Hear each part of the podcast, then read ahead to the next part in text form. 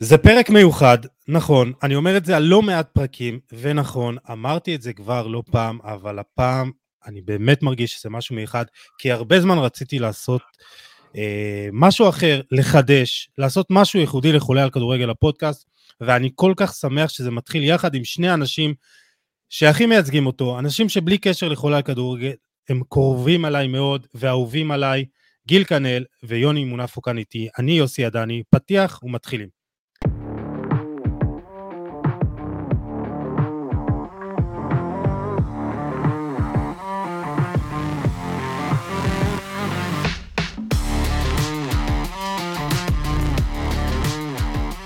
ברוכים הבאים לפרק ה-169 של חולה על כדורגל הפודקאסט. כמו שאמרתי בפתיח, גיל כנל איתי, יוני מונפו. מה העניינים חברים? אתם uh, מתרגשים כמוני? יוני. כן, חד משמעי, אה, להיות פה עם מלך הדלפים, אושיית אה, טוויטר, גיל כנל, ואיתך, ונדבר על ספורט, והיה לנו שבוע עמוס, אז יאללה, בוא נרוץ על זה. תענוג להיות פה, כיף כמו תמיד. יוני, תודה רבה על התואר המחייב, אני מקווה שאני אצדיק אותו במהלך הפרק. יש עוד כמה דלפים מעניינים ככה בקנה, אבל אה, באמת, יש לנו, יש לנו, היה לנו סופש שבוע עם הרבה מאוד, הרבה מאוד כדורגל, הרבה מאוד משחקים גדולים, וגולת הכותרת כמובן משחק העונה שנדבר עליו תכף, אה, ויאללה. טוב, אז, אז אה, בואו אני אסביר לכם קצת על הפורמט והקונספט. בפרקים הללו אנחנו נדבר על כדורגל ישראלי ועולמי. מדברים מקצועיים ועד כלכליים חברתיים. יהיו לנו פינות מיוחדות וכמובן פינת הדלאפ על שמו של גיל כנל. לכל פינה כזאת תהיה דקה אחת בלבד. בנוסף, יהיו לנו בכל פרק כחמישה נושאים מרכזיים שעל כל נושא נדבר בין חמש לעשר דקות, לא נחפור יותר למידה. בכדי לעמוד בזמנים יהיה לנו שעון עצר, סטופר, ואם נרגיש שצריך תוספת זמן ניתן אותה, אז uh, לא לדאוג.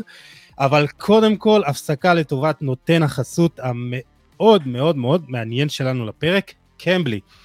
קמבלי.קום היא פלטפורמת אונליין, אה, ניתן לגשת אליה דרך המחשב או דרך אפליקציה לנייד. אה, בפלטפורמה הזו אנשים יכולים לקבל שיעורי אנגלית מיידיים, אחד על אחד עם מורים, דוברי אנגלית שפת אם מכל העולם. תהליך הלמידה כולו דומה לתקשורת יומיומית, ולרוב השיעורים מתבצעים בצורה של דיאלוג חופשי עם המורה, מה שהופך את קמבלי לצורה מושלמת ללימוד ותרגול אנגלית מדוברת בחיים האמיתיים. ולקמבלי יש גם קורסים מיוחדים למי שרוצה ללמוד כיצד לתקשר בסביבה העסקית.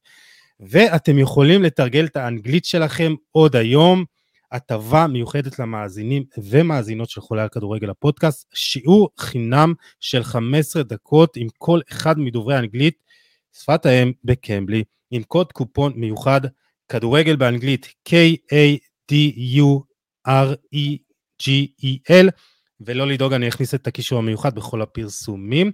ומה שמדהים, גיל ויוני, בפלטפורמה הזאת, שאתם נכנסים אליה, לוחצים על כפתור, ותוך כמה שניות אתם מדברים עם מישהו באנגלית, אז אם מישהו מכם צריך uh, לשפר את האנגלית שלו, קבלו 15 דקות ממני. Uh, גיל, Do you want to speak English? Uh, yes, yes, of course. I think I think it's really important. after after the interview with uh, Vladan Ivic, come, you know. יש, יש. זוכר את הפרק עם uh, ולאדה איביץ' שככה היה, היה, היה מאתגר, אבל... כן, לא היה מזיק איזה שיעור אחד לפני זה. כן, כן, אז מי שרוצה, קמבלי... How do you say the lap in English? How do you say the lap in English? This is the... unpopular opinion, of course. אה, זה, אין, אין, אין כמו דלאפ בעברית, בעברית זה נשמע יותר טוב. אה, טוב, חברים, חברים, אז אה, בואו נתחיל. פינת, הפינה הראשונה, פינת הפרגון, אנחנו נתחיל בטוב. אני באמת רוצה שנתחיל בטוב, ברגל ימין. אה, ויש לכם פה דקה לפרגן לכל מי שאתם רוצים, שחקן, קבוצה, מאמן, בעל בית, עיתונאי או אוהד, מי שאתם רוצים באמת, שופט כדורגל אם יש לכם. אה, יוני מונפו, אתה יכול להתחיל, יש לך. אני אתחיל עם אייטו קרנקה, מדרידיסטה קודם כל, אבל הוא התחיל אתמול, אני חושב שהוא שינה אתמול את המערך המאוס של השלוש בלמים, הוא הראה הרבה אומץ, הוא שיחק כ-4-2 4 או 4-2-2-2 שזה מאוד מאוד התקפי אמרו שלמכבי תל אביב אין מספיק כלים, אין מספיק דברים, ראינו אתמול מכבי חזקה, עוצמתית, רומסת, רוצה יותר, מכריעה במשחק העונה, אבל אני רוצה להתמקד בו, הוא בא, שינה, הוא הימר על התקפה בכל מחיר, וזה עבד לו, והוא רק הגיע לארץ, רק שבועיים פה, ואני חושב שזה חשוב, כי רוב המאמנים בליגה הגנתיים, סוף סוף מגיע מאמן עם ביצים גדולות למשחק חשוב, ומנצח את זה בדרך הנכונה, אני רוצה לראות יותר כדורגל התקפי, כשאני בא בערב רוצה להיות כדורגל, אני רוצה ליהנות ממנו, ואפשר היה ליהנות אתמול במכבי תל אביב, וזה יכול גם לא לעבוד, ואז היו מבקרים אותו, אז כל הכבוד לו, ושוב, רוצה יותר כדורגל התקפי, רוצה יותר לראות שערים, והוא שיחק אותה בגדול. יפה, אה, עמדת בזמנים, אני חייב לפרגן רק שאפשר, הוא הוכיח שאפשר לשחק עם יובנוביץ' וערן זהבי אה, בקו 4, אז יפה מאוד. גיל. אז אה, דיברת על יובנוביץ', אני חושב שאנחנו כנראה לא נדבר עליו הרבה במהלך, ה... במהלך הפרק הזה, כי בסוף, אתה יודע, בכל זאת, הוא נמצא די בצל של ההצגה של ערן זהבי והכל, והוא לא כבש, אמנם בישל, אבל הוא עשה אתמול עבודה פשוט אדירה על הבלמים של מכבי חיפה, הוא באמת לחץ בלי הפסקה, הוא באמת, ככה נראה חלוץ באמת שמטריד את ההגנה, כן? אה, עשה תנועה בלי הפסקה, לחץ, אה, חילק כדורים עם הגב, גם איים על השאר וכמעט כבש, בישל, אה, אז הוא לא כבש, אבל הוא משלים את זהבי בצורה באמת מושלמת, ולמכבי תל אביב יש שני חלוצים מפחידים, אבל ההצגה של ערן זהבי לא צריכה להמעיט ולהפחית ממה שיובנוביץ' עשה אתמול, כי בלעדיו לא בטוח שזה קורה, באמת, הוא פשוט עשה עבודה מדהימה אתמול, הוא עבד קשה בצורה בלתי רגילה, ומגיע גם את המחמאות למי שלא, למי שלא נמצא באור הזרקורים לפעמים, ואין לי ספק שהוא יתרום למכבי הרבה העונה, כי אתה יודע, בהתחלה היה לו קצת, אה, הוא התחיל את העונה קצת בחוסר ביטחון, היו לו לא מעט החמצות, והוא חלוץ פשוט אדיר, פשוט אדיר. יפה, יפה, אתם uh, עומדים בזמנים, uh, כל הכבוד. אני רוצה לפרגן לחלוץ אחר בליגת העל, אני רוצה לפרגן לירדן שואה. ולא מעט פעמים היה נוח לרדת עליו, זה היה קל, ו- ו- ואי אפשר להאשים אותנו את האמת, כי הוא פשוט סיפק לנו את זה, הוא, הוא סיפק לנו את זה ב- בהתנהגות החוסר מקצועית שלו מ- מ- מחוץ למגרש, אה, וגם היכולת לא הייתה מספיק טובה, הוא התחיל את העונה הזאת ממש לא טוב. אה, וכמובן גם בעיות מחוץ למגרש וככה אה, בעיות עם המאמן, אבל משהו השתנה שם באמצע, הוא התחיל להיראות יותר טוב, הוא יחד עם ביתר שהתייצבה מאחור, היא גם התייצבה מקדימה, וניקולסקו נכנס לאמצע, אה, אספיריה קיבל צד ימין ושועה נכנס לאגף שמאל אבל הוא משחק כאינסייד פורוורד כזה חלוץ שמנהל את המשחק מאחור, יורד אחורה לקבל את הכדור, לוקח בעיטות חופשיות וקרנות והכל עובד לו, וזה לא רק התקופה, התרומה ההתקפית, הוא, הוא רץ הרבה יותר, יש, הוא עוזר במשחק הלחץ, 12 בישולים, שיא הבישולים עומד כ-17 בישולים לעונה, אין משהו רשמי, אבל יש מצב אה, שזה באמת אה, עונת אה, שיא אה, גם ברמה הזאת, אה, ועוד נדבר עליו בהמשך. יופי. טוב, עכשיו אה, נעבור למה שעצבן אותנו, אה, וככה אה, אתם מוכנים, אה, אתם יכולים לזרום. נתחיל איתך הפעם גיל כנל. מה עצבן אותך השבוע? קדימה. האמת שזה מאוד טרי. אורל גרינפלד עצבן אותי אתמול. אמנם שיפוט די טוב שלו כמו במשחק העונה, אבל האדום לברק בכר, באמת, אני חושב ש... הוא היה מאוד מיותר. אומרים ברק בכר ביקש את זה, ברק בכר אומר שהוא ביקש כרטיס צהוב, אבל קצת, קצת כבוד, כאילו, מה, מה נותן לך לחכות לברק בכר? מה... טיפה כבוד למאמן הזה, אה, באמת היה, היה אפשר היה אפשר לוותר על, על האקט הזה. יפה, אה, אני חושב שהוא אה, הוציא גם את האדום על אה, מה שהוא אמר לאיתן שמואלביץ, אני לא יודע מה היה שם, אבל זה שווה בדיקה, בטח אם... אבל הגיע הזמן שהשופטים, אתה יודע, כל עוד באמת לא, לא מדובר בקללות או משהו ש, שחוצה את הגבול, אני חושב שהגיע הזמן שהשופטים קצת, קצת ידעו לסתום אוזניים או לתת לזה להיכנס מאוזן אחת ולצאת מהשנייה, כי בסוף, בסוף זה לא הסיפור פה, בסוף הסיפור פה זה המשחק הענק שקיבלנו אתמול, וזה פשוט סתם, זה, זה, זה מיותר. אני אוסיף משהו קטן על גיל, כל הנושא הזה, שכל השינויים בחוקה, רוב השינויים שראינו בחוקה הם טובים, השינוי הזה עם הצהובים, כל הזה שהשופט רץ מגרש שלם הוציא צהוב, בעיניי זה מגוחך, אני לא כל כך אוהב, לא מתחבר לזה, זה שהיה אתמול אדום בכלל, כל השינוי הזה מחוקה לדעתי הוא לא טוב, לא מבין מה זה מוסיף, אה, לא יודע. הוא עדיף אולי שהשופט הרביעי ירחיק ויגמור סיפור, מאשר כל ההצגה הזאת ששופט רץ מגרש שלם, וגם מסכים עם גיל, לא ראיתי משהו חריג. אבל אני אעבור אליי למה שעצבן אותי, עצבן אותי נטע לביא, ולא רק נטע לביא, כי אתמול הוא היה בחצית חלשה מאוד, הוא בקושי רץ, בקושי ראו שהוא רצה להיות פה, אבל מעצבן אותי כל הסוגיה הזאת של, של אה, יש הצעה טובה, אתה רוצה לשחרר אותו, תשחרר אותו, מה זה כל המשחק הזה, להשאיר אותו, לא להשאיר אותו, אני חושב שזה מחליש את הקבוצה, זה סימן לא טוב, אם אתה החלטת למכור אותו, תמכור, מה עכשיו כל המשחקים האלה, להשאיר אותו עוד משחק, אתמול נטע לביא לא רץ, זה היה מגוחך, שחקן הכי אנרגטי, הכי שהכי רוצה, עמד על המגרש וטייל, זה, זה היה מגוחך, זה היה לא טוב להיראות. רגע, אבל יוני, אתה חושב שזה, יוני, סליחה שאני קוטע אותך, אתה חושב שזה קשור לרצון, למוטיבציה? כי אתמול, אתה יודע, כל מכבי חיפה לא הגיע. אבל הוא הקפטן, גיל. הוא הקפטן, הוא זה שאמור לפרק אנשים באמצע, הוא זה שאמור להכניס מוטיבציה. ברור שזה קשור לרצון, הראש שלו כבר לא פה, הוא לא רוצה להיות פה. יש לו חוזה גבוה, יש לו עתיד, יש לו דברים לדאוג עם אשתו במעבר ליפן, זה לא עובר ביום אחד, זה כבר חודש מורחים אותו ומושכים אותו. אה, באופן טבעי, אתה ראית את היכולת הזאת לעומת המשחק הקודם של תל אביב, לעומת המשחק שלו לפני חודש, הוא לא רוצה להיות פה, וזה מעצבן אותי כי חיפה טעו פה, לא, לא השחקן. אתם לא רוצים שחקן, אתם רוצים, החלטתם לשחרר שחקן, שחקן צריך להתקדם, תשחררו, אין מה לעשות, אי אפשר להחזיק אנשים בכוח. Uh, מסכים איתך ועוד נדבר על נטע לביא בהמשך הפרק, uh, ואני אלך למה שעצבן אותי. Uh, עצבן אותי כל הסאגה הזאת בהפועל חדרה, ושימו לב ללכו הזמנים ההזוי.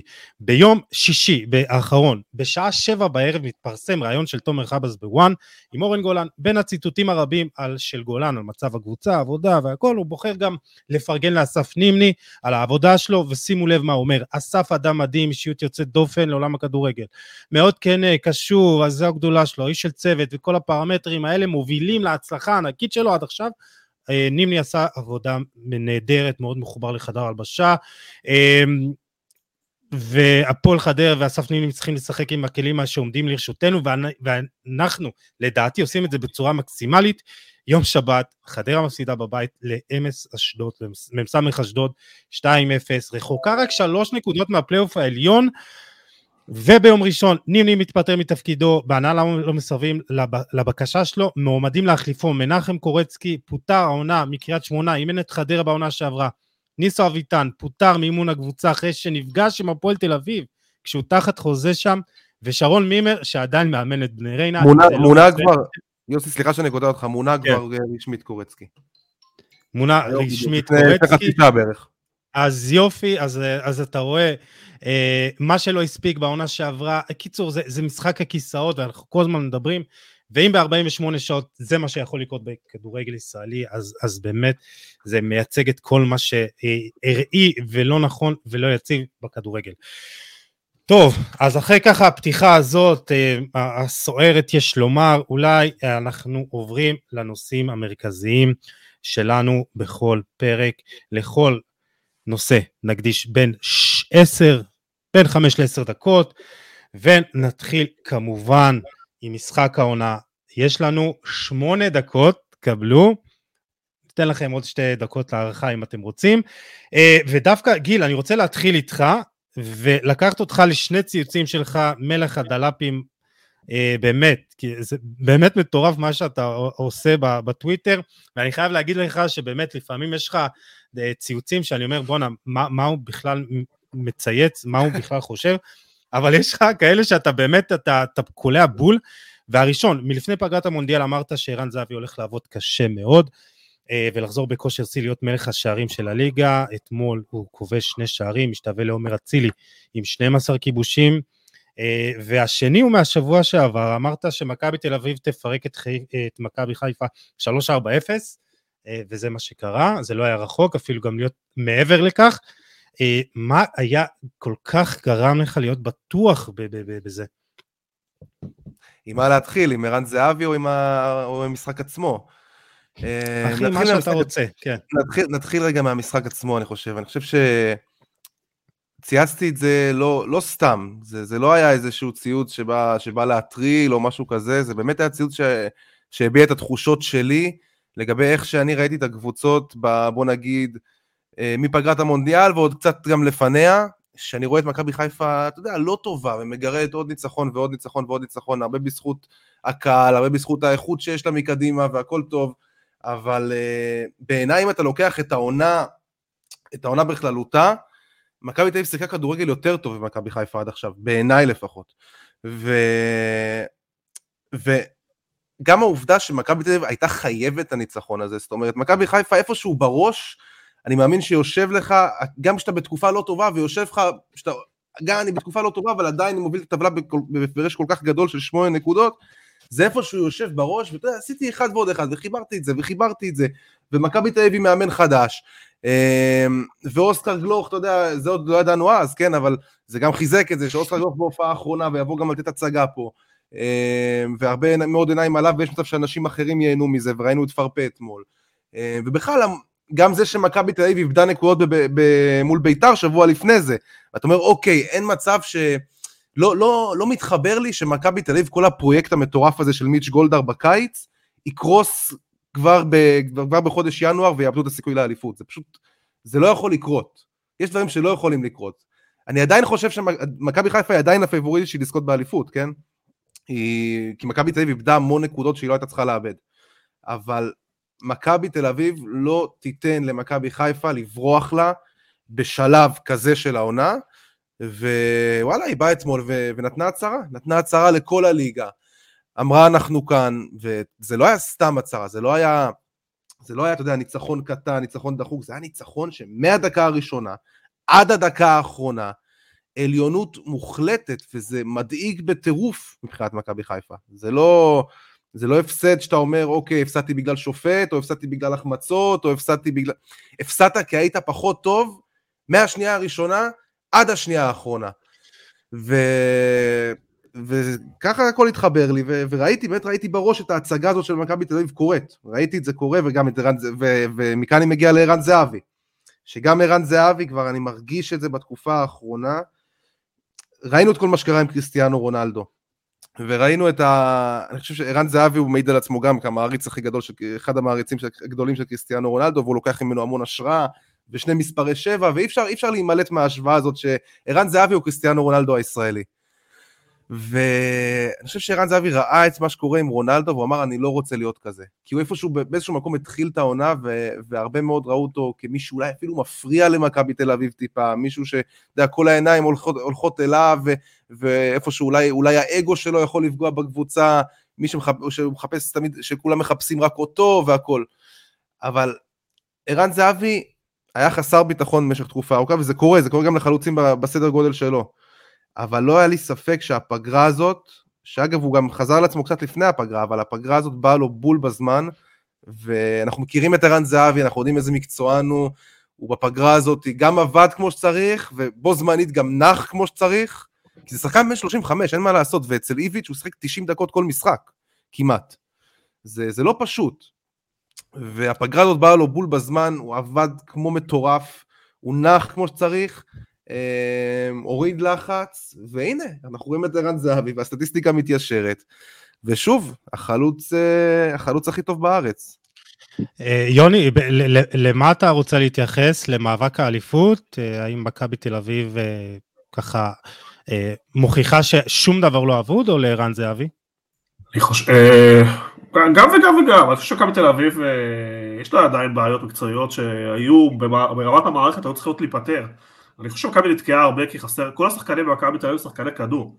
אם אתה מסתכל על גבי, על אה, אוסקר שעכשיו הולך, אבל גם יובנוביץ' וגם ערן, חסר למכבי מהירות בצדדים ושחקנים שרצים לשטח, ובגלל זה הם נתקעים, כי, כי מול שטח, מול קבוצות צפופות, שצופפות את האמצע ולא משחקות פתוח כמו מכבי חיפה, מספיק שאתה נתקע באיזה משחק והכדור לא נכנס במצבים הראשונים, ואתה מסתבך כי כל שהמשחק הולך, ובגלל זה מכבי תל אביב איבדה אה, מספר נקודות, אה, גם נגד נס ציונה, קריית שמונה, נפלה בתיקו, וזה הפער בטבלה, כי בראש בראש הם בתיקו, הם ניצחו, חיפה ניצחה בבית, מכבי תל אביב ניצחה בבית, והבעיה היא נגד הקטנות, ובגלל זה אני אומר, גם אתה רואה שלא פותרים את הבעיה, כי מכבי תל אביב הצהירה הרבה פעמים שרוצה גם להחליף מגן ימני, וגם להוסיף מהירות באגפים, והיא לא מביאה שחקנים, היא לא מוצאת שחקנים מספיק איכותיים, אה, ואני מניח שהם פונים לשוק בחו"ל וקשה להם להביא שחקן, אבל בלי מהירות באגפים קשה לפתוח משחקים, קשה לרווח את המשחק, נכון, אתמול זה עבד יפה, אתמול זה מכבי תל אביב הפתיע, שיחקה במערך חדש, אבל אל תשכחו, גם השחקן הכי מוכשר בקבוצה עוזב עכשיו, אז, אז אני לא כל כך אופטימי לגבי הסיכוי של מכבי תל אביב לעשות מהפך. צריך לראות איך חיפה, חיפה הגיעה למשחק הזה לא טוב, היא לא הייתה טובה נגד נס ציונה, חיפה שיחקה נגד נס ציונה לפני שבועיים, הייתה משחק שקול, שבוע שעבר אל הפועל ירושלים בנס לא נגמר שוויון, מכבי חיפה אתה רואה ברמת הביצוע שלהם, ברמת האנרגיה שלהם, בלחץ שמבצעים, אתה רואה קבוצה קצת שבעה, קצת שחקנים ש, ש, שלא מרוכזים במה שקורה כרגע, יותר מדי בעיות עם חוזים, יותר מדי שחקנים שרוצים לעזוב, אז חיפה בירידה, ואלי בכר ידע לקחת את הסתירה הזאת ולהרים אותם, אני מסכים עם גיל, אני עדיין רואה פערים אה, גם בטבלה וגם בלוח המשחקים, מכבי תל אביב צריכה לשחק אה, דרבי, לא יהיה לה קל, יש לה גם באר שבע, ולמכבי חיפה יש עכשיו שלושה משחקים יחסית נוחקים, ריינה, קריית שמונה, ועוד משחק נוח בבית. אה, שוב, אם אני מסתכל קדימה, אני חושב שחיפה עדיין פיבוריטית בגדול. אם אני מסתכל מבחינת רמת הסגל, לחיפה אין ספסל, אבל ה-11 שלהם, גם אחרי שנטע עוזב, אה, מספיק טובים לעשות אליפות. אה, חשוב, הניצחון אתמול היה חשוב, שכן יהיה מאבק, וכן יהיה מלחמה עד הסוף, וזה כן משהו שמאפיין את ערן זהבי, הוא לא יוותר, הוא ידאג להוריד את כולם על הקרקע, הוא ידע לבוא לכל משחק להילחם, יש גם גביע לשחק, יש גם עונה הבאה, ולפחות יהיה מעניין, יהיה כדורגל מעניין.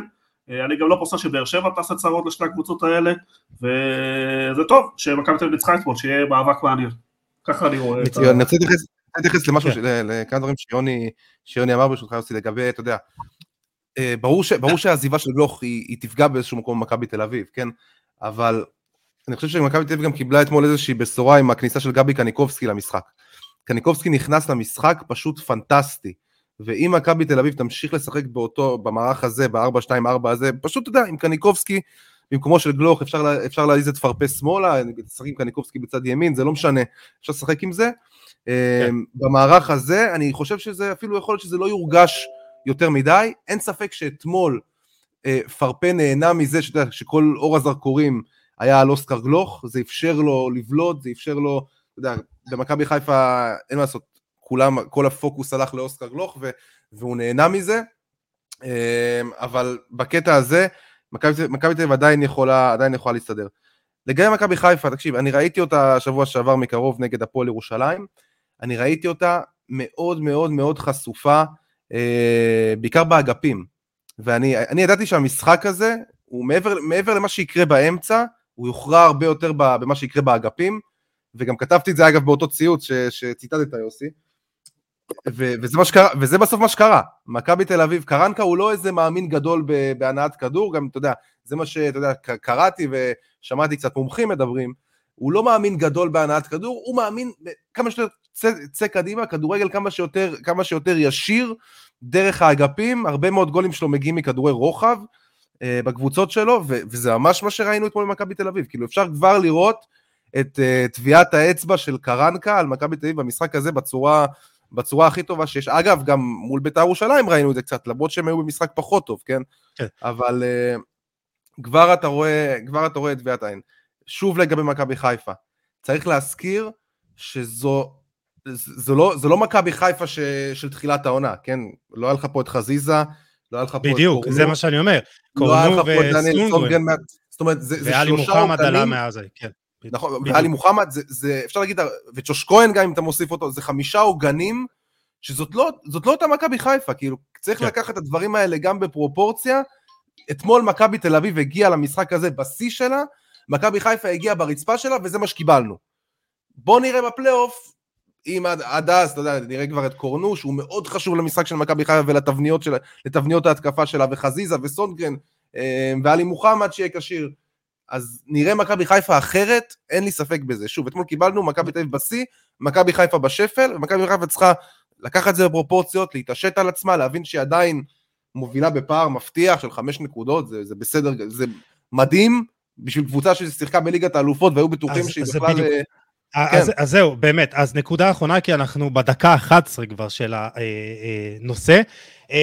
אה, חשוב לזכור שמכבי חיפה, אמרת, שיחקה בליגת האלופות, והיא שיחקה באמת משחקים כל כך אינטנסיביים והייתה כל כך אה, אה, אנרגטית ונראתה לא רע בכלל שם, והיא עדיין מובילה את ליגת העל בחמש נקודות, והיא עושה את זה ללא העוגנים המרכזיים, כלומר לקחת את כל העומס המטורף הזה ועדיין להיות חמש נקודות אה, הפרש, זה טוב, וצריך לראות באמת איך הם חוזרים, גם אה, שני המגנים, גם המחליף של נטע לביא, שעוד מעט נדבר עליו, אבל אנחנו עוברים לנושא הבא, והנושא הבא, דיברנו עליו ככה ב...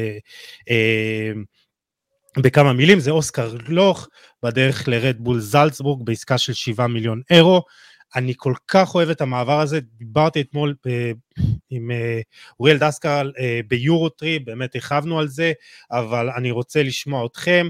אה, יוני, זה, זה מעבר כל כך טוב, נכון? מעבר, אני, אתה יודע, אני מאוד אוהב את הפרויקט של רדבול, זה פרויקט שמצליח מעבר לכל דמיון, זה שולטים שם בכל הכישרון באזור של אוסטריה, הונגריה, סלובניה, מוסלביה לשעבר, הם קונים את כל השחקנים הכי מוכשרים ש, שיש, אה, אתה מסתכל על כל שנה הם מוכרים שבעה שמונה שחקנים, רובם לליגות הגדולות, שזה אה, בעיקר בונדסליגה, השנה שלושה שחקני הרכב הלכו לליץ, זו קבוצה שמשחקת כדורגל הכי נכון, שכולם מחפשים אותו, כדורגל גבוה, לחץ גבוה, מאוד מאוד אינטנסיבי, אוסקר אה, יעלה את רמת, לא רק כישרון שלו, יבוא לידי ביטוי ללא ספק, אבל גם העוצמות שלו, הלחץ שהוא יצטרך לבצע, העבודה במגרש, טרנסבורג זו קבוצה שלא נחה במגרש, מנסה כל רגע נתון אה, אה, לפרק את היריבות שלה, זה, יש מעבר קל מזלצבורג ללייטספיק, שזו קבוצה צמרת, אה, וזה ישחק בליגת אלופות, השנה עוד יש לו קרב אה, מול רומא, בסך הכל הוא יהיה עם אנשים בגיל שלו, רוב הקבוצה שם זה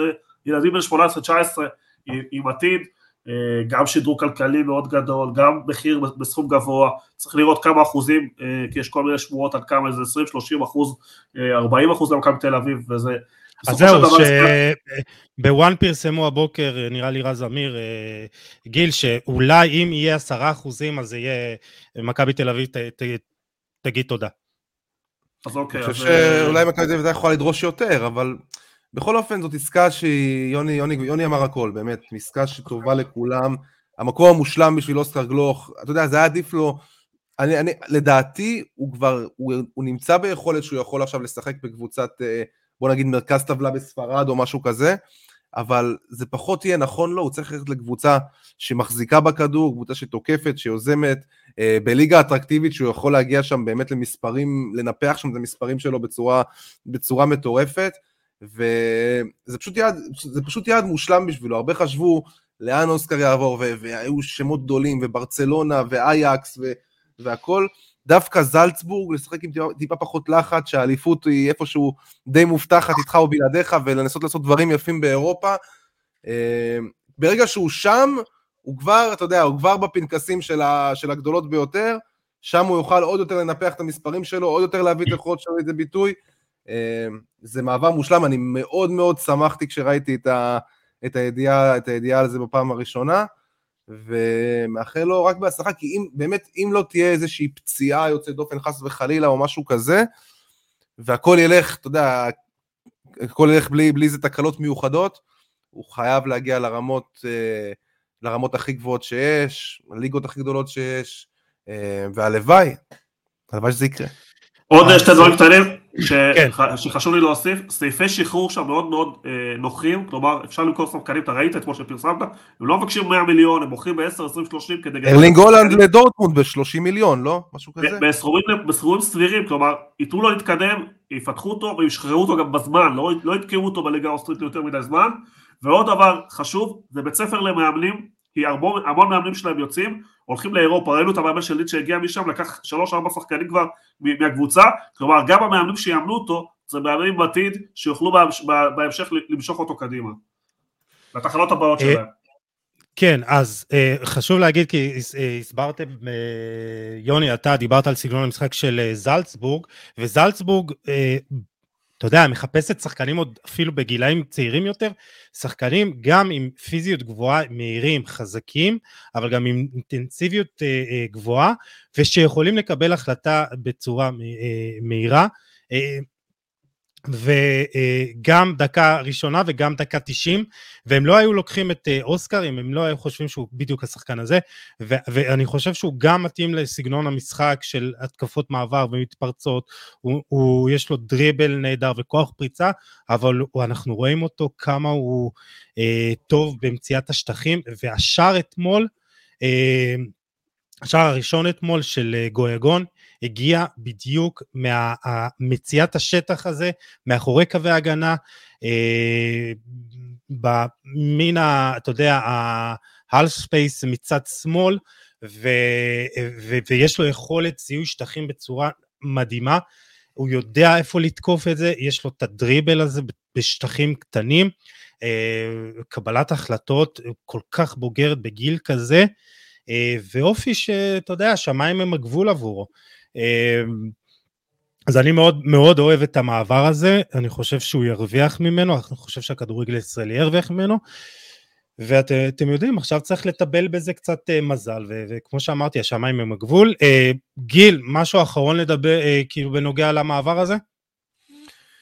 אמ, לא, לא, אתה יכול להמשיך, נראה לי שדיברנו הכל, יש לנו די, אה, די קונצנזוס שזה הכי נכון בשבילו. Uh, טוב, אז אנחנו עוברים לנושא הבא, נטע לביא גם uh, עוזב uh, ליפן, זה מעבר שאמור להיסגר ככה ממש בקרוב, ואולי, כמו שאמרתם, היה צריך להיסגר מוקדם יותר. אז אה, שתי שאלות מרכזיות, איך זה ישפיע על מכבי חיפה בהמשך העונה, והאם גוני נאור אה, יהיה המחליף הראוי לנטע. אה, יוני, בוא, בוא תספר לנו מה, מה אתה חושב, מה דעתך, והאם זה ייסגר, כי אתה יודע, יש דיווחים די, אה, די סותרים. אני קודם כל, לא, אני די בטוח שנטע, נטע עזב כבר, הוא כבר בראש שלו כן. ביפן, מאה אחוז. כן, כן, כן, כן. אה, אבל איך זה ישפיע על אה, חיפה ומה לגבי גוני נאור? איך זה ישפיע על חיפה? אני חושב שהמחליף הטבעי, קודם כל אני חושב שהתשובה להאם אה, גוני המחליף הראוי, אני חושב שהתשובה היא לא. לא ברמת היכולת ולא ברמת מה שהוא יכול לתת. אני חושב שהפתרון יבוא מתוך הקבוצה, כלומר, אה, באופן טבעי מי שייכנס להרכב זה אם יש שלושה שחקנים אבו פאני, עלי מוחמד ונטע שהתחרו על ההרכב אז ברגע שנטע הולך וכולם בריאים אז אבו פאני ועלי ייכנסו להרכב. אה, הפתרון יבוא מתוך חיפה גם אה, ברמת המחליף כלומר מחכים שם לג'אבר. גולי יבוא אני מניח שהעסקה הזאת כן תתבצע כי, כי הסכומים האלה לחיפה נמוכים וגם כי גולי מסיים חוזה וירצה להתקדם ויש גבול לכמה הפועל ירושלים תוכל להחזיק אותו.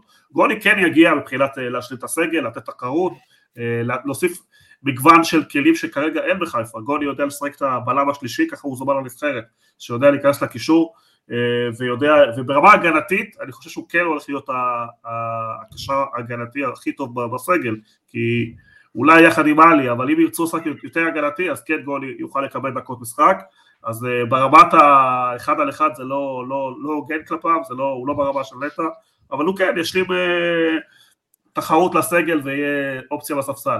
לגבי המעבר ליפן, ודווקא למה יפן, זה עניין של הצעה וכספית מאוד מאוד גבוהה, ליגה שם, אה, פה היא לא מקבלת חשיפה, אבל זה ליגה ברמה גבוהה, זה לא סעודיה, זה לא אמירויות, זה לא איזה אה, כדורגל יפני, השחקן היפני ראינו במונדיאל, הוא מאוד מאוד איכותי, ראינו שחקנים ביפן עוברים לאירופה וראינו את היכולת שלהם, אה, גם שחקנים משם זרים נמכרים לאירופה, כלומר זה לא הסוף של אה, נטע לביא, זה לא שהוא הולך לפנסיה שם, הוא הולך לליגה מאוד מאוד תחרותית, מאוד מאוד טובה, מאוד מאוד דינמית, מאוד מאוד זריזה, ואני חושב שזה לא נגמר, כלומר הוא יעשה שם עונה שנתיים טובות, ולך תדע, אולי אה, משם הוא יחזור לאירופה, אבל אה, בסופו של דבר זה עבודה שלהם, הסכום שהוא הולך לקבל הוא סכום מאוד מאוד גבוה, ואני חושב שזה מעבר טוב, כי בואו, אנחנו מדברים הרבה על כדורגל ישראלי, אבל הליגה פה לא כל כך טובה, כלומר אנשים מזלזלים פה ביפן וזה, זה אותי זה מצחיק, אה, אתה יודע. כן. הכדורגל היפני יותר טוב מהכדורגל הישראלי, הליגה שם ליגה מפוצצת, המגרשים מלאים, הוא לא הולך... אז זה יעשה טוב גם לנבחרת. לנבחרת, כן, למה לא? חוץ מזה שיש נסיעה גבוהה כל פעם שהוא יבוא, אבל כן, למה לא? הוא יכול להתפתח שם. אה, זה כדורגל אחר, כדורגל הרבה יותר זריז ואינטנסיבי, ואני חושב שהוא ימצא את הדרך שלו לתרום גם שם. אני חושב שהמעבר הוא טוב לכולם בסופו של דבר. אה, גיל, לגבי גוני נאור, היה גם דיבורים על אה, עדן קרצב, אתה חושב שלמכבי חיפה אולי היה עדיף ללכת על קרצב אם אה, זה היה אפשרי? תראה, קודם כל, אפשר להוריד את הפאניקה, מכבי חיפה כבר לקחה, ש... לקחה אליפות בלי נטע לביא, אוקיי? כאילו, האליפות השנייה, למי ששכח, נטע לביא לא שיחק כל העונה, והכל בסדר, ומכבי חיפה לקחה אליפות, ויש לה עכשיו גם פער, והכל טוב. ברור שזה ברור שעדיף שהוא היה נשאר, כן, אבל uh, לא צריך גם להיכנס ללחץ והיסטריה מוגזמת, בטח אחרי אתמול, אתה יודע, כן יש את הלחץ הזה גם של הקהל להביא משהו, כי, כי רואים שהסגל הוא אולי לא מספיק עמוק, אבל אני לא חושב שהבעיה היא דווקא בקישור. אני חושב שהבעיה של מכבי חיפה היא יותר בהתקפה. בקישור, כמו שיוני אמר, מחמוד ג'אבר, אה, מחמוד ג'אבר צפוי לחזור, הוא לא בדיוק שחקן, הוא לא שחקן בסגנון של נטע לביא, כן, אין לו את האיכויות של נטע לביא. בדיוק, יותר שמונה, יותר נכנס להרחבה. נכון, אבל איפה תמצא, אבל איפה תמצא שחקן, ב, ב, איפה, שחקן, איפה תמצא שחקן דומה באיכות לנטע לביא בישראל? זאת אומרת, גם עדן קרצב, שהוא פחות טוב, הוא פחות טוב בכל מה שקשור למשחק עומד, ב, ביכולות שלו, כמו שאני רואה את זה. גוני נאור, אני לא רואה אותו בשל לשם, באמת יש בעיה. של, של עומק של שחקנים בשוק הישראלי. זאת בעיה מאוד גדולה למכבי חיפה. אין לה מקום לעוד, אין לה מקום לעוד זר. אה, לדעתי, אני, אני חושב, אני חושב, שוב, זה, אני הבנתי כבר שזה לא בכיוון, כן, אבל אם אפשר להביא את בירם קיאל, אה, להחזיר אותו ככה לסגל, והוא באמת שחקן שמזכיר לי בסגנון את נטע לביא, בהשתחררות מלחץ, ביציאה קדימה, גם ביכולת שלו לחלץ כדורים, אבל הבנתי שזה לא הכיוון של מכבי חיפה, אה, אז אני אשחרר מזה, אבל בכל אופן, קרצה וגוני נאור, אלה שתי האופציות הכי טובות שיש למכבי חיפה, להביא, לא יודע, לא יודע מה להגיד לך, הייתי אומר לך כבר אולי תמשיך את העונה הזאת, תזרום עם העונה הזאת, אה, ותביא קשר אחורי זר טוב אה, בעונה הבאה, זו, זו דעתי. טוב. ולגבי, רגע, אז... לגבי נטע לביא, דבר כן. אחרון. אני רואה סבא שנכון, אומרים שהליגה שם היא ברמה גבוהה והכל, אני מודה שפחות יצא לי לראות את הליגה, אבל כן שמעתי מאנשי מקצוע ואנשים שזאת ליגה טובה, אבל בוא, אני רואה את זה כמעבר שהוא בעיקר כלכלי, איזושהי הרפתקה ש, שנטע מרגיש שהוא חייב לעצמו אחרי, אחרי שהעסקה עם אה, צ'סקה נפלה לפני, לפני שנתיים.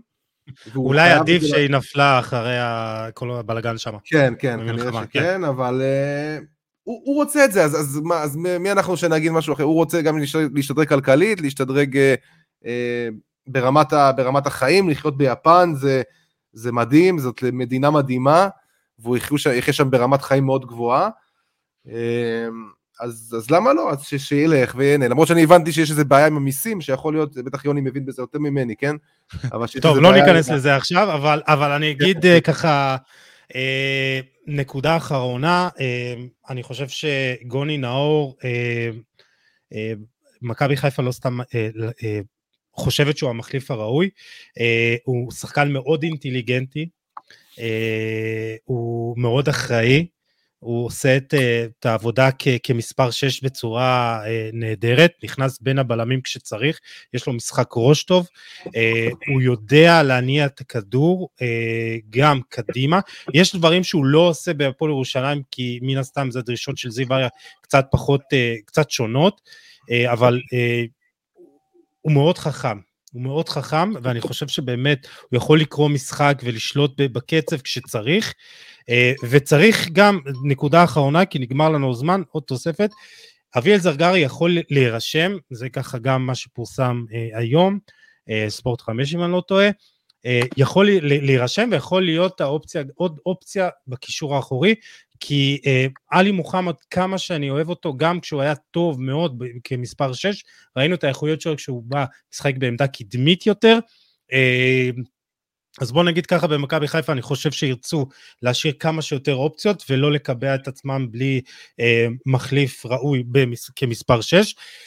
ואנחנו מתקדמים, אה, נקודה, אה, נושא אחרון בליגת העל לפני שנעבור אה, לחו"ל, אה, ירדן שואה. ואני בחרתי לפרגן לו בפתיחה, ואני רוצה גם לשאול אתכם מה גרם להתפוצצות הגדולה שלו, ככה אחרי הפתיחה פחות טובה. וגם נדבר על העתיד שלו, כי הוא מסיים חוזה, וכבר אה, דובר על כך שאולי הוא לא ימשיך בעונה הבאה בביתר. אה, גיל. בגדול, אני חושב שירדן שואה יעשה טעות גדולה אם הוא יעזוב את ביתר ירושלים, וכן, מבחינת יכולות, הוא יכול למצוא את עצמו, ב, ב, בוא נגיד, איזה אוסטריה כזה, או קבוצת מרכז טבלה בבלגיה, או משהו כזה, אבל ביתר ירושלים פשוט תפורה עליו כמו כפפה. זאת אומרת, גם יוסי אבוקסיס, גם הקהל, הוא, הוא, זה, זה שחקן שצריך, נכון שהוא עבר איזה, איזשהו תהליך של התבגרות בחצי שנה האחרונה, גם עם עצמו, אבל זה הרבה גם בזכות החום והאהבה שהוא מקבל, וזה באמת, הוא צריך לקבל את הדברים האלה, הוא צריך ש... זה שחקן שצריך לקבל עיטוף, הוא גם העיד זה, העיד את זה על עצמו. צריך לקבל את האהבה הזאת, ובבית"ר ירושלים הוא מקבל אותה בצורה הטובה ביותר. הוא משחק כרגע, אתה יודע, בלי איזשהו לחץ מיוחד, זאת אומרת בית"ר ירושלים כרגע הרבה מעבר לציפיות שלה, אנשים סימנו את העונה הזאת רק כעונה של בוא, בוא נשרוד בליגה, והיא מוצאת עצמה כאילו מכוונת כבר למקום רביעי, ו, ובעמדה מאוד טובה להגיע לחצי גמר גביע, ואולי לסיים אפילו עם תואר, שזה יהיה פסיכי בשביל העונה הזאת של בית"ר ירושלים. נכון. והוא משחק עם שחקנים שאתה יודע, מי, מי, מי ידע, תחשוב איזה, איזה מטורף זה, מי ידע ומי דמיין ש, שיש לו בכלל את היכולות האלה, זה בעצם, הוא עבר את האבולוציה ההפוכה של ערן זהבי, אם ערן זהבי בערך בגיל שלו עשה את המעבר מלהיות, מלהיות, אה, מלהיות קשר, שער מלהיות חלוץ, סקורר, אז- כן. אז ירדן שועה עושה את האבולוציה בדיוק ההפוכה, כי הוא תמיד דיברו עליו כ- כסקורר, דיברו עליו כתשע, והנה פתאום הוא מביא יכולות ש, שאף אחד לא ראה, אף אחד לא ראה ממנו מעולם. אה, וזה הרבה מאוד, דרך אגב, על יוסי אבוקסיס, צריך לתת לו את הקרדיט הזה, ואני לא שומע מספיק שנותנים לו את הקרדיט על הדבר הזה. אה, וגם מבחינת הכל, ירדן שועה נמצא במקום הכי טוב בקריירה שלו, וכן, לעשות קריירה טובה בבית"ר ירושלים זה לא משהו ש... זה לא משהו ש... זה, זה גם מאוד מכובד, אתה יודע, לקחת גביע פה ושם, לקבע את בית"ר בצמרת. וזה עדיין ביתר מועדון ירושלים, אתה יודע, נכון, אנחנו מדברים על ביתר ירושלים, זה תמיד... אתה משחק במועדון גדול עם קהל, והעובדה שהוא גם משחק עם שחקנים ש, שמביאים את היכולת שלו לידי ביטוי, שחקנים שעושים תנועה בלי סוף, זה ניקולסקו ו, ואספריה, אז יש לו גם למי לבשל. אתה מבין? יש לו, יש לו שחקנים ש, שמתאים לו בול לסגנון משחק שלו, והכל עובד, וכיף בכללי לראות את בית"ר ירושלים ככה, אתה יודע, פתאום ככה עושה קולות, עושה קולות של צמרת. מי חשב ומי דמיין בכלל בתחילה, בקיץ שזה מה שיהיה. אה, וירדן שועה, ירדן שועה חייב לדעתי להישאר, כי אם הוא ילך לאיזה ליגה, ב, אתה יודע, באיזה, באיזה פולין או באוסטריה, שם עם הקור. הוא יאבד את עצמו. יש מצב שהוא אה, יאבד את עצמו, כן. אה, יוני, שנה שעברה, בעונה שעברה, אה, היו הרבה דיבורים על פועל באר שבע, יכול להיות שזה היה יותר סגור, פחות סגור. אה, אתה חושב שזה תהיה טעות עבור אה, ירדן שואה שהוא יעזוב? אה, לא, אני, בארץ אולי כן, אבל אני חושב שכן צריך לנסות ללכת לאירופה. אה, וכן אה, לנסות, כי תמיד אפשר לחזור. כלומר, גם אם יצאת, גם כשאתה חוזר, אתה לא חוזר באותו רמת שכר ולא באותם תנאים. כלומר, מתישהו כן צריך לעשות את ה... אני הולך להגיד, עם הנפש העדינה שלו, עם המורכבות באישיות שלו, יש סיכון מאוד מאוד גדול שזה לא יעבוד. אני מתחבר לנושא הזה של גיל, אבל כן צריך לנסות, וכן צריך ללכת לבחון את עצמך ברמה גבוהה יותר, ולא להיות איפה שנוח אה, וקל. שוב, כי תמיד תוכל לחזור. אה, העניין של שועה נכנס לאופציה לשנה שהוא כנראה יקבל אותה בבית"ר ירושלים, ואז יש שיקול כלכלי, האם הוא מוכן לחדש בתנאים של אברהם, או שהוא אה, דודו דהן, יכול לעשות איזשהו מעבר, סביר להניח כנראה, אה, לקבוצה בלגית, כי הוא שווה את הסיכון ביכולת שלו כרגע. לגבי השינוי שלו ביכולת, אני חושב שכשדיברנו בפוד של בית"ר, אני ואתה, הבחנו לפני שהוא התחיל במספרים התקפיים, ראינו שהוא שינה את ההתנהגות שלו בהגנה, בהגנה. הוא התחיל לרוץ כן. אחרי מגנים, הוא התחיל לעשות לחץ גבוה, הוא התחיל ל- ל- לבצע תנועה. וזה עדיין לא היה יציב אז כשדיברנו. מספיק. לא היה יציב ברמה התקפית, אבל כשראית את השינוי שלו בראש, וראית שהוא משקיע במגרש, ונייד, כשאתה נייד ורץ, נפתחות לך הרבה אפשרויות, והיכולות היה לו תמיד. כנראה שעכשיו הוא עשה שינוי בראש מנטלי, הוא הבין שהקריירה שלו הולכת לאיבוד, הוא הבין שהחוזה שלו בביתר בכלל לא מובטח, הוא הבין שאף אחד לא ייגע בו בתוכנית הזאת, והוא לקח את עצמו ב, ב, ב, ב, בידיים, מה שנקרא, שינה את ההתנהגות שלו, שינה את הסגנון שלו, נכנס לכושר גופני גבוה, הוא רץ לא מעט. נכון, הוא רץ הרבה יותר גם אה, קילומטראז', הוא מגיע ל- לעשרה קילומטרים. דבר, אה, בכל דבר גורל כן. ברער, וראית גם ברעיון שלו, שאני חייב להגיד שבאופן אישי אה, קצת צחקתי ולא הערכתי אה, נכון, כלומר זה היה נראה כאילו סתם זורק מילים שהוא שינה את עצמו וזה, אבל אתה רואה שזה מתחבר גם המילים ליכולת וגם לשפת גוף נכון. שלו לפעמים, שהרבה פעמים הייתה מזלזלת כלפי החברים שלו, אתה רואה אותו הרבה יותר מחובר, אז אולי הוא עשה שינוי, ואולי זה זמן הפריצה שלו, וביכולת הזאת אין ספק שהוא, שהוא שחקן אה, סגל נבחרת ישראל, אין ספק אז זהו, שהוא אז יכול... נקודה אחרונה, נבח- נבחרת ישראל כבר עכשיו? לא, לא, כי צריך זמן, צריך לתת לזה, בגלל האופי שלו, שוב, בגלל התדמית שלו, בגלל הבעיות שהוא יצר עד היום, צריך לזה, הדבר הזה, כמה הוא כבר, כמה זמן הוא טוב? חודשיים? שלושה? זה צריך לתת לזה לא, זמן, הוא. טוב, הוא טוב מתחילת העונה, אפשר להגיד. לא, לא, גיל. הוא התחיל, פחות טוב. אה, גיל, עכשיו אה, נבחרת או עוד קצת? צריך לקבל את ההזדמנות, כן? זאת אומרת, אה, אני, אני לא, להגיד לך שאני מוצא לו מקום בהרכב? לא, כי, כי יש באמת חלק... בוא, אוסקר גלוך פחות או יותר על העמדה שלו, אוקיי? אני לא, לא רואה התקפה ש... לא רואה מי אתה מוציא מ- ממנור סולומון, אוסקר גלוך, ליאל עבדה וערן זהבי שיחזור לשם בעזרת השם. כן, כאילו, נכון. מי, מי אתה מוציא? אין לך מי להוציא, כנראה ממשיכים לשחק במערך של 4-3-3. אה, אבל, אבל שווה מקום בסגל, כן, חד משמעית. טוב, אה, אנחנו מסיימים לדבר על הכדורגל המקומי שלנו, ויש לנו שני נושאים, כדורגל עולמי. אנחנו מתחילים עם מסע הרכש המטורף של צ'לסי, אה, טוד בולי, הבעלים האמריקאי החדש, אה, בחצי שנה מוציא אה, כחצי מיליארד אירו על רכש, ויוני, הפרשן הכלכלי שלנו, רגע, יוסי, זה היה נכון, יוסי, זה היה נכון לפני כמה ימים שאמרת את זה, לא? זה כבר כן, כן, זה הגיע לאיזה 600. שבדקות האלה, שבדקות האלה זה כבר השתנה או משהו כזה, הם כבר כמה זמן לא רכשו שחקן. אה, תקשיב, הם, אה, הם רוצים את אה, קייסדו של ברייטון, שעולה גם בסביבות ה-50 מיליון, ובאמת דיברנו, וגם ז'ואר פליקס, אתמול ראיתי שיש סעיף רכישה בעסקה שלו, לעשות את פשוט עסקה קבועה. יוני, איך זה בכלל מתאפשר? קודם כל, אה, יש עוד משהו הזוי שאנשים לא מצליחים להבין, שהוא מחתים שחקנים לשמונה, תשע שנים, ואני צוחק, אני אומר את זה ואני צוחק את זה. הסיבה היא כדי, כי, כי כל שאורך החוזה יותר גבוה, הערך הנכס אה, נכנס לתוך העסקה. למשל, אם קנית שחקן ב-100 מיליון, במקום שירד לך לשלוש שנים, במקום שירד לך כל שנה 30 מיליון, אתה כאילו מחלק את הסכום הזה לעשר שנים, ואז הסכום יותר קטן. מה שלי מוזר, שיש יותר מדי שחקנים כרגע בצ'לסי, ואז גם הערך הנכס של שחקנים שהוא רוצה למכור יורד, אם הוא רוצה למכור את זייח, רואים שהוא בלחץ, ינצלו את זה ויורידו את המחירים, כלומר יש פה בזבוז גדול מאוד של משאבים, זה בעלים חדש קיבל צעצוע ומשתולל בצורה אה, חסרת היגיון, יש לו יותר מדי שחקנים, דבר היחידי שאני יכול להגיד שיש לו עשרה פצועים כרגע בסגל, אבל עדיין יש פתרונות אחרים מאשר לרכוש כל דבר, אני גם רוצה להגיד שמבחינת האיכות של השחקנים שהוא קונה, אני לא ראיתי פה יותר מדי שחקנים שהם וורד אה, קלאס, אה, מה שנקרא השחקן הכי טובים בעולם, שחקנים שנמצאים בכושר טוב ובגיל טוב לבצע קפיצה, אבל אני רואה פה השתוללות אה, חסרת היגיון. אה, אז לפני שנדבר מקצועית... אם שניים שלושה שחקנים פה עם חוזה לתשע שנים לא ישתלבו, מה הוא יעשה איתם? איך הוא ייפטר מזה? אז, אז לפני, סוף, לפני, ש...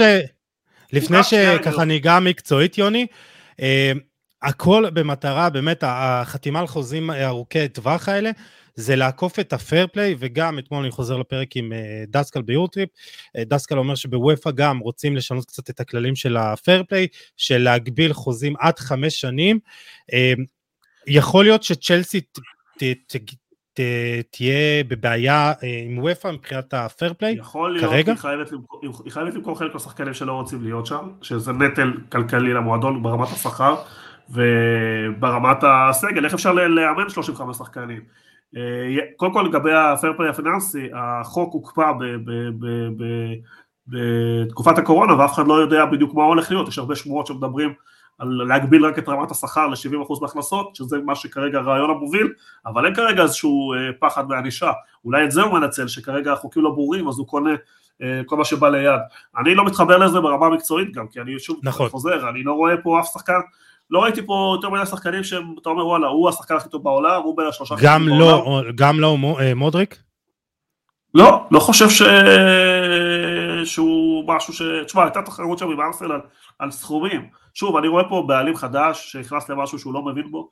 בסוף אבל זה הוכרע, בסוף זה הוכרע עניין של שכר מודריק, כי ארסנל הציע אולי חמישה מיליון יורו פחות. לא, לא משהו... אה, ברמת המועדון, אה, שחטיאר דיברו על זה שה-70 מיליון כולם הציעו, ו-30 מיליון אה, בונוסים היה יותר קל לממש בצ'לסי, משהו ממשי שאפשר לממש, ולא איזה הבטחה שאם הוא יהיה השחקן הכי טוב בעולם, אז הוא יהיה יקבל... כדור הזהב וכאלה, כן. לא, כן, אבל בונוסים זה בא לידי ביטוי בתארים, תקן אותי אם אני טועה, וארסנל פה קרובה לאליפות. לא, ארסנל הציעו שאם הוא יהיה השחקן הכי טוב בעולם, אז יהיה חלק משמעותי מה-30 מיליון האלה הוא יקבל, ועל כל בלון דאור הוא יקבל סכום, כלומר הציעו דברים לא הגיוניים ברמת המימוש, בגלל זה הם הלכו עם צ'לסי, ברמת השכר כן, צ'לסי הציע טיפה יותר, אבל מאוד כל הזמן דחף לארסנל, ובסוף הוא הבין ש, שצ'לסי זה ההצעה הכי טובה, כן, גם הוא, אני לא רואה אותו, יכול להיות שהוא כן יתפתח להיות שחקן הכי טוב בעולם, לא, תקשיב, תקשיב, כל... יוני, אני, אני אעשה שאני קוטע אותך, אבל הוא, כן. וואו, כאילו, אני, אני ראיתי אותו גם, מיוחד, גם, כן. גם בשכתר, וגם אפשר היה לראות את זה כבר עכשיו, הוא נכנס להופעת בכורה, נכנס דקה 60, כאילו, נגד, אה, נגד ליברפול, תשמע, הוא, הוא היה מדהים, כאילו, הוא כבר עשה שם כמה פעולות, יש לו, יש לו גם דריבל ויש לו גם כוח, זאת אומרת, הוא בנוי מאוד חזק.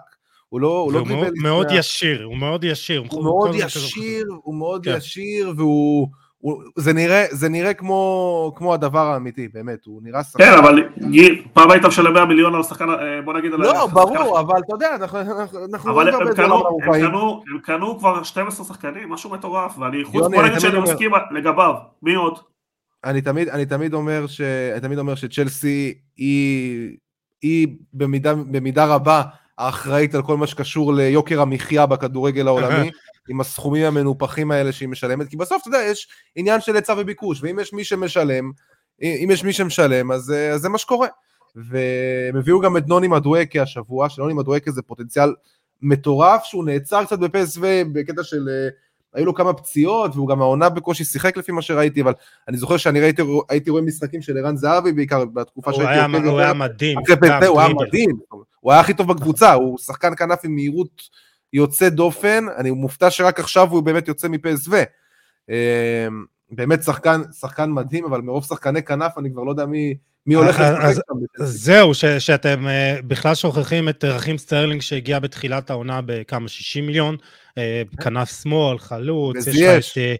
ו- וזייש שרוצים אולי להיפטר ממנו ולהביא את קסייה עם איזה טרייד עם ברצלונה, אבל יש לך גם את אה, ז'ואאו פליקס שהוא כנף שמאל, חלוץ שני, אה, ו- ו- ויש לך את אה, אובמיאנג ו- ו- ומאונט, ויש לך בכלל את הדסון אודואי בהשאלה בגרמניה, יש לך כל כך הרבה אופציות, ואני לא יודע אם, אם, אם זה משהו שיכול בבת אחת, הם עושים תהליך של, של כמה שנים בחצי שנה, בשנה, ואני, ו- ואני לא חושב שזה הגיוני ויכול לקרות חיבור כל כך מהיר של כל כך הרבה שחקנים בבת אחת, אה, אבל אני רוצה שככה אה, נעבור אגב. עוד נקודה, עוד נקודה, כן. בעונה מזעזעת, בלי סיכוי לצ'מפיונס, שזה גם פחות הכנסות, ויש ספק בכלל הם יהיו באירופה בשנה הבאה, הם אה, באמצע טבלה בכלל, זה לא נראה כל כך טוב.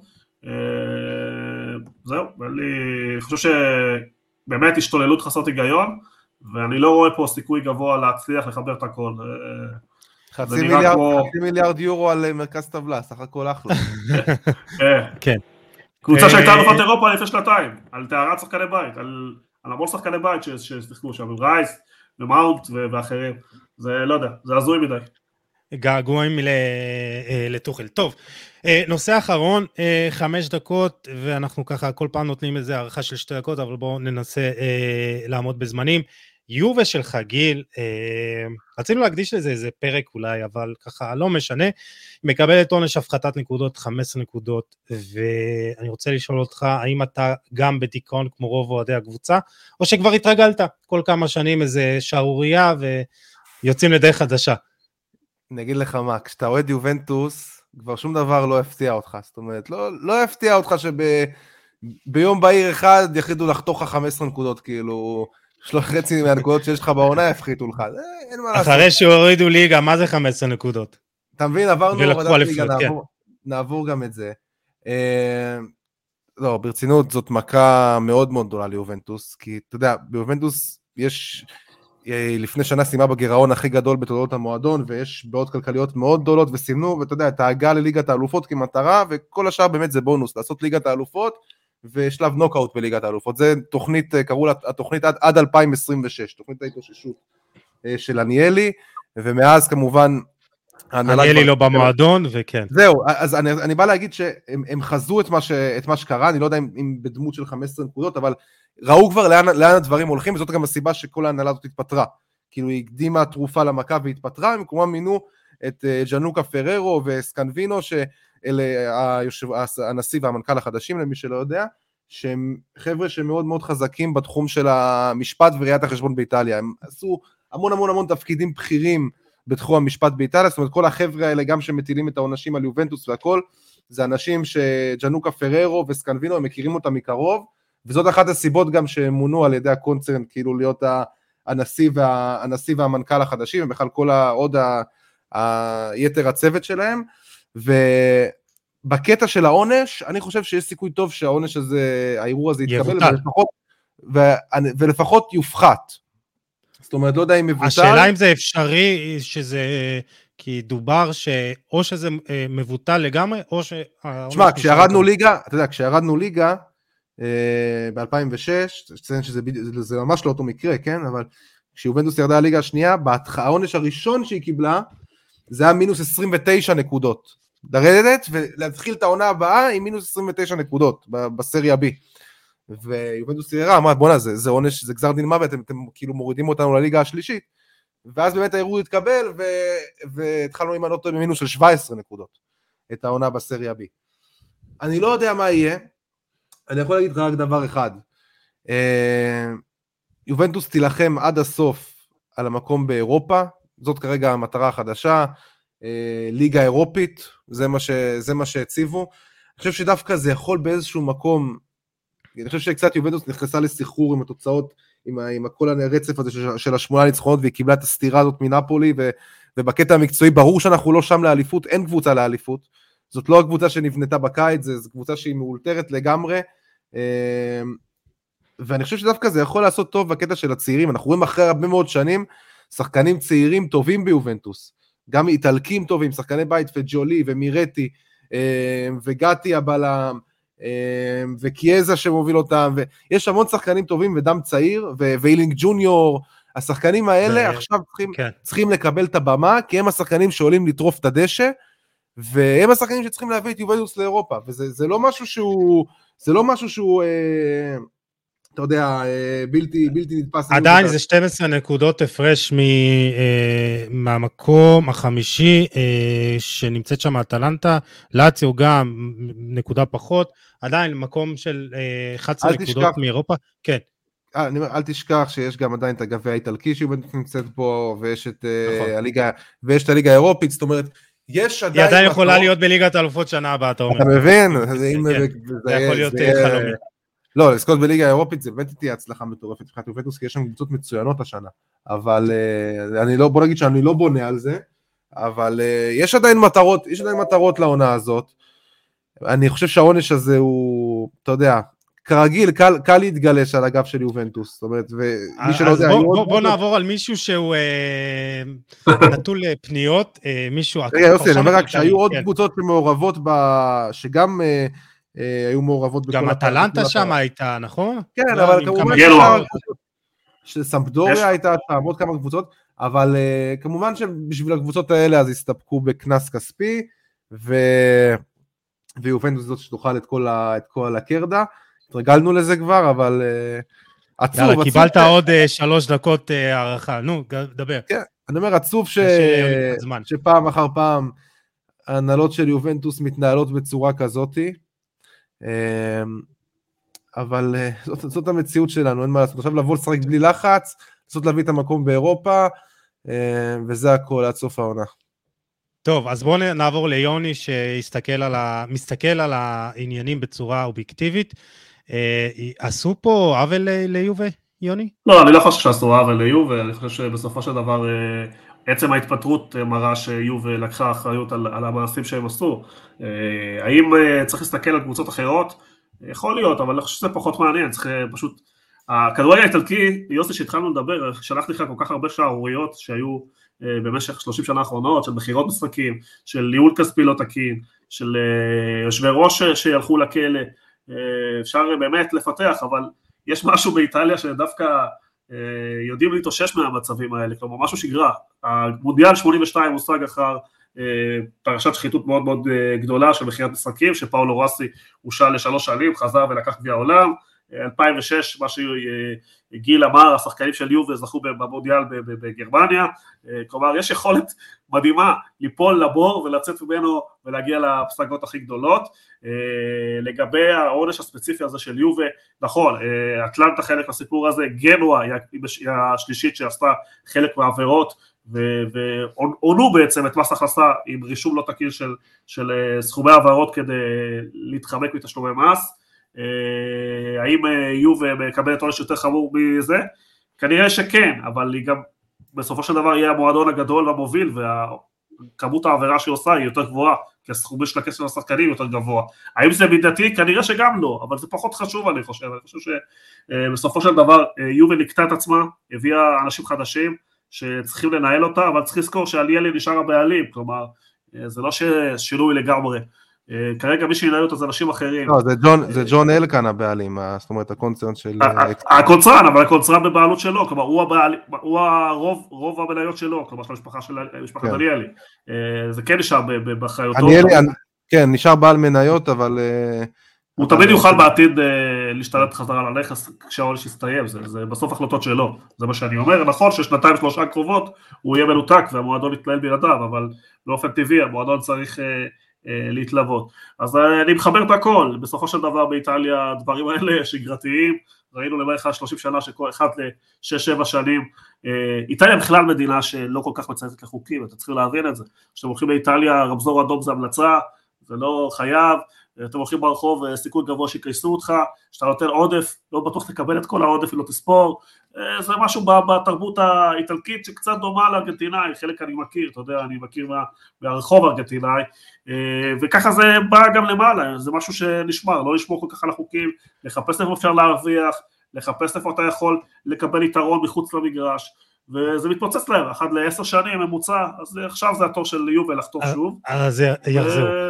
וכמו שאמרתי, הם יודעים להתאושש יפה מאוד, הם התאוששו פעמיים, זכו בגביע העולם ברמת מדינה, יובה התאוששה מליגה שנייה, ראינו כשיובה ירדה ליגה, ששחקנים הגיעו, קודם כל רוב השחקנים נשארו שם, והפך משהו ייחודי למועדון, כלומר המכה הזאת, הם לקחו את זה למקום חיובי, והצליחו לחבר איזשהו משהו לרוח של המועדון, שיודע להתאושש, להיות מחובר, וכמו שהם אומרים, תמיד נלחמים עד הסוף, בסוף עוד שנה, שנתיים ניפגש עם גיל, ויהיה סוף שמח לסיפור העצוב הזה. טוב, אה, זה באמת נושא שמורכב הרבה יותר, גם אה, קשר לסופר ליג ואיך זה ישפיע, ושחקנים אה, שרוצים לעזוב, אבל נשאיר את זה לפעם הבאה. נושא בונוס כי, כי חייב, וגיל ביקש ממש יפה. שלוש דקות על ארסנל, יאללה, כל אחד דקה וחצי, לכו על זה. גיל, תן, את הטייק שלך על ארסנל. הקבוצה הכי כיפית בכדורגל העולמי יחד עם נפולי, חד משמעית. אה, תקשיב, המשחק נגד יונתד באמת, זה בעיניי היה uh, המבחן הכי חשוב שלהם עד עכשיו העונה, כי זאת באמת הקבוצה היחידה שהם הפסידו לה גם בסיבוב הראשון, uh, ולבוא ולנצח את יונתד שהיא בתקופה כזאת, במומנטום מצוין, זה לא דבר שבא בכך, ראינו את יונתד מנצחת את סיטי, וזה היה מבחן בגרות מאוד מאוד מאוד גדול לארסנל, והיא צלחה אותו בצורה הכי מרשימה שיש, זאת אומרת, גם מבחינת יכולת, זה לא נגמר רק בשלוש-שתיים, אבל ארסנל פשוט הכתיבה את הקצב במשחק הזה מההתחלה ועד הסוף, פשוט אי אפשר להוריד את ה... אי אפשר להוריד את העיניים מהמסך כשאתה מסתכל על ארסנל.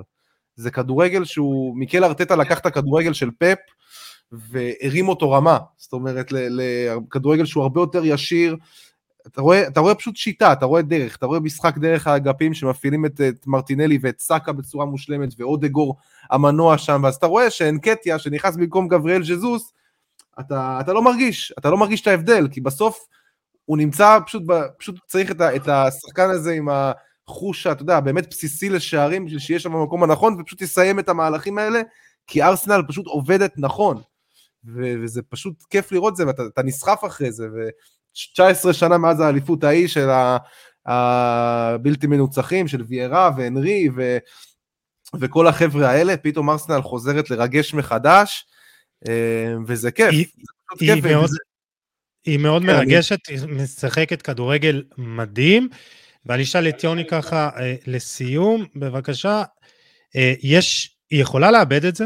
חמש נקודות הפרש מסיטי, היא יכולה לאבד כן, את זה? כן, היא יכולה לאבד כי יש שתי משחקים ישירים ביניהם, והליגה, ועוצמת היריבה, סיטי בסופו של דבר, גם יש לה ניסיון, יש לה שחקנים ברמה מאוד מאוד גבוהה, ואולי טיפה טיפה סגל יותר רחב, סיטי גם עשתה שינוי מאוד מאוד גדול בסגנון עם אהלנד, וטיפה נתקעת לפעמים, אבל אבל אני רוצה גם להגיד משהו על הפרויקט של ארסנל, תסתכל על הגילאים של השחקנים, שחקנים מאוד מאוד צעירים, תסתכל שזה באמת תהליך אמיתי, שלוש שנים ארטטה לא מביא תוצאות, והוא גידל את השחקנים האלה, את רוב השחקנים שם, הכוכבים סאקה 21, מרטיניאל 21, ממש ילדים, שחקנים שנקנו בסכומים נמוכים לטווח ארוך, חלק שחקני בית, אתה רואה שכמעט מעט מאוד עוד, עוד גור שלא הצליח בריאל, בין 23-4, שחקנים שנותנים הצגות שבוע אחרי שבוע, אני חושב שרואים תהליך אמיתי, שילוב של שחקני בית מול רכש של שחקנים, אה, יש משהו מעניין שגם ארטטה, אה, זיצ'נקו וז'זוז הגיעו מסיטי, אה, שרגילים לסגנון הכדורגל ההתקפי והפתוח,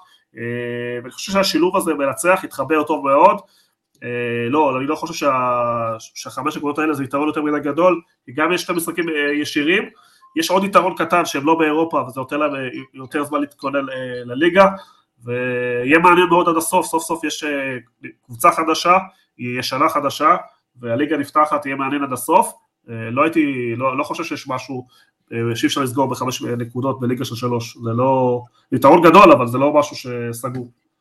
ו- ו- ועוד רכש uh, uh, ביממה האחרונה מגיע, uh, יעקב uh, קיביור, אם אני אומר את השם נכון, של ספציה, תמורת 25 מיליון אירו, בלם uh, קרואטי, גיל, אתה מכיר אותו מישהי? פולני, פולני. פולני, נכון, סליחה. פולני, פולני. כן, uh, בקטנה, מכיר בקטנה, אבל ממה שאני שומע מהרבה אנשים, מדובר בבלם מצוין, ואני מאוד אוהב את הרכישה הזאת, כי אתה יודע, יש את מי שמביא ב-100 מיליון את כל מה שחם בשוק. בדיוק. והכל טוב. יושקו גוורדיאול על בלם כשאתה מביא, כן. אני אומר, כשאתה מביא בלם ב-20 מיליון אירו מספציה, כשאנחנו יודעים שבפרמייר ליג לא באמת סופרים את הסריה על הרוב, כאילו מסתכלים, הם לא, הם לא, לא, לא מסתכלים בכלל על, על, על הליגה האיטלקית, ומביאים בלם מקבוצת אה, תחתית באיטליה, אה, ב-20 מיליון יורו, שזה, אתה יודע, כבר בסכומים של היום זה גר, באמת גרעינים, אתה רואה שנעשתה עבודה, אתה רואה שהביאו בלם שכנראה הם חושבים שהוא מתאים להם. עכשיו יכול להיות שזה, אולי, יכול להיות שזה לא יצליח, כן? זה לא... אבל הם בטוחים שהבלם הזה מתאים להם. הם לא הביאו סתם מישהו שהציעו להם, הם לא הביאו סתם מישהו כדי להגיד הבאנו את, ה, את השחקן הכי חם, או את ה... הם הביאו מישהו שמתאים להם, yeah. ולכן יש לי תחושה שזה הולך להיות בינגו ענק והצלחה של ארסנל בדבר הזה. משהו חשוב בנקודה הזאת, שהוא מתחבר לכל מה שיש בקבוצה, זה גם שחקן צעיר, גם לא מגיע בשכר גבוה, הוא מגיע לעמדה שהיא עמדה חזקה, יש להם את בן ווייט, יש להם את אה, נכון, גבריאל, נכון. ויש להם את סליבה, את גבריאל, הוא, לא כן. להציל, הוא, לא, הוא לא בא להציל שום דבר, הוא בא להצטרף נכון. ולהיות חלק ממצבת הבלמים. להעמיק את האיכות, נכון. בדיוק, בדיוק. אז uh, הוא עם רגל שמאל, uh, בלם, שמאל, לפעמים משחק גם בקו 3, גם בקו 4. Uh, מאוד טוב עם הכדור, uh, שיחק במונדיאל בנבחרת, uh, והוא מקדם את המשחק נהדר, יש לו טכניקה טובה. וככה מאוד, מאוד מעניין את השחקנים שמגיעים לארסנל. טוב, אנחנו מסיימים את ה... הביאו גם את, משפט קטן, הם הביאו את טרוסארד מבלגיה, ניצלו את המצב שהוא רב עם המאמן שלו בלכסטר, שחקן גם, הוא לא, לא בגיל 28, כלומר הוא טיפה יותר גדול, אבל כן שחקן שיכול לתת קצת עומק בהתקפה עד סוף העונה. טוב, מסיימים עם פינת הדלאפ ועוד איזה פינה קטנטונת אחר כך, פינת הדלאפ על שם גיל כנל, ואם לא ניתן לך את הכבוד להתחיל איתה בפעם הראשונה, למי כן ניתן. אז גיל, הדלאפ שלך, תכין לנו משהו מיוחד, בבקשה, דקה. הדלאפ שלי הוא שנפולי הולכת לזכות בליגת האלופות השנה. או, וואי. כן, איך, כן. אני, איך אני אוהב שאתה אתה, אתה שומר דברים מיוחדים לנו, כן. פרסום ראשון. פרסום ראשון, כן. תשמע, אני באמת, כשאני מסתכל על הקבוצות באירופה, על הקבוצות שמשתתפות בליגת האלופות, אני אומר, אני אומר לעצמי שאף אחת לא באמת הרשימה אותי שם בצורה יוצאת דופן, שאני יכול להגיד שוואלה, היא תלך עד הסוף. אז שנה שעברה זאת הייתה ריאל מדריד, שבאמת הייתה את התחושה הזאת, שלי לפחות, שהיא תלך עד הסוף, ותעשה את זה, השנה אני לא רואה אותה עושה, back to, עושה, עושה back to back, אני חושב שגם יוני יסכים איתי, אבל אני לא רואה באמת אף קבוצה אחרת, ואני רואה את נפולי כקבוצה, אמרתי גם כבר מקודם, הכי מהנה והכי טובה כיום יחד עם ארסנל בכדורגל העולמי, אבל ארסנל לא בליגת האלופות, ומאחר וארסנל לא בליגת האלופות, אני רואה את נפולי כקבוצה הכי שלמה, הכי מאומנת, הכי עמוקה, עם שני שחקנים באמת פנטסטיים על כל עמדה, גם בקישור, גם בהתקפה, עם הגנה מצוינת, מאמן ששולט שם בהכל, ספלטי, ואתה יודע, בשנה שבה נבחרת ארגנטינה זוכה במונדיאל, מרגיש לי שיש איזה משהו מיסטי ככה שייתן לנפולי את ליגת האלופות, לא יודע למה, אתה יודע, בשביל דייגו מרדונה. וואו, אז וואו. אני חושב שנפולי הולכת לעשות פה עונה של דאבל בלתי נשכח. בוא נראה אם יוני מונפו יכול להתמודד עם רמת הדלאפ הזאת. אני אלך על דלאפ, הפועל תל אביב יורדת ליגה, אני מעריך, אה? לא, אני אומר, זה... כן. כבוד, תשמע, יש לך שאפו מגיל, כן. יש פייט, יש פייט. יש בעלים חדש, נראה לי שלא כל כך הבין לאן הוא מגיע, יש קהל שלדעתי עומד להתפוצץ שם, כי נראה לי שהוא לא מבין בכלל לאיזה כיוון הם הולכים. יש סגל שחקנים כרגע לא מספיק איכותי, אני יודע שהם עושים שינויים, צריך לראות איך זה ישתלב. הליגה השנה מאוד מאוד צפופה, אני חושב שאם הקהל יתהפך על הקבוצה, הירידה תהיה ודאית, אני לא יודע אם זה יקרה, אבל זה הסיפור פה, אני בדעת מיעוט פה, שהפועל תל אביב יכולה ליפול לליגה שנייה, ראינו התבטאויות של בוקס, שב, שהוא אומר שכאילו האמריקאים לא אכפת להם לרדת ליגה, לא יודע, הכל מתחבר לי לעונה של אסון, ואחרי הדרבי, שבוע הבא, יכול להיות שהדלאפ הזה לא יהיה דלאפ. צריכים להגיע, צריכים להגיע שני צרפתים. אני מנצל את זה לפני הדרבי. כי אחרי הדרבי... אז זהו, זה ציוץ טוב של ניר צדוק, אוהד הפועל, שהתארח אצלנו פה. הוא אמר שחיים סילבס צריך להראות לשחקנים שלו את הקלטת איך מכבי חיפה שיחקה כדי לקבל רק שלוש. אז יהיה מאוד מעניין. כן, יהיה מאוד מעניין. טוב, הדלאפ שלי, אני לא יודע אם זה דלאפ, וככה יצא לי קצת לחשוב, לא הייתי בטוח מה להגיד וזה, וזה גם משהו שאני מתבשל איתו ביממה האחרונה. לאו מסי אתמול פורסם, אני לא יודעת כמה זה באמת אמין, וכאילו אחרי שהיה נראה שהוא ממשיך בפריס סן ג'רמן לעוד עונה לפחות, דווח אתמול ג'רארד מורנו, אה, אה, אה, רומרו, סליחה, אה, מדווח שהוא לא רוצה להמשיך בפריס סן ג'רמן, ושאם הוא יחליט בסוף לא להמשיך, ברצלונה תלך עליו, ואני חושב שזה לא יהיה רעיון טוב עבור ברצלונה, וגם לא עבור לאו מסי, כי אני חושב ששני הצדדים די המשיכו את, אה, את המסלול שלהם לבד, ואם מסי עכשיו יחזור, בברצלונה יהיה מאוד קשה אה, להתאים חזרה את סגנון המשחק ואת הכל כדי שהכל יעבור דרכו, כמו בנבחרת ארגנטינה, ואני חושב שעדיף ללאו מסי ללכת למקום אחר, אתגר אחר באירופה, וצריך לחשוב טוב טוב איזה קבוצה כן תתאים לו. אני אמרתי אולי ליגה איטלקית או משהו בסגנון, ויהיה מאוד מעניין אם הוא לא ימשיך ב, אה, בפריז, לאיזה קבוצה הוא ילך, אז זה הדלם שלי. מילאן חייבת, אני אומר שמילאן זקוקה נואשות לכנף, לכנף אה, ימין כזה, מספר 10, כנף ימין.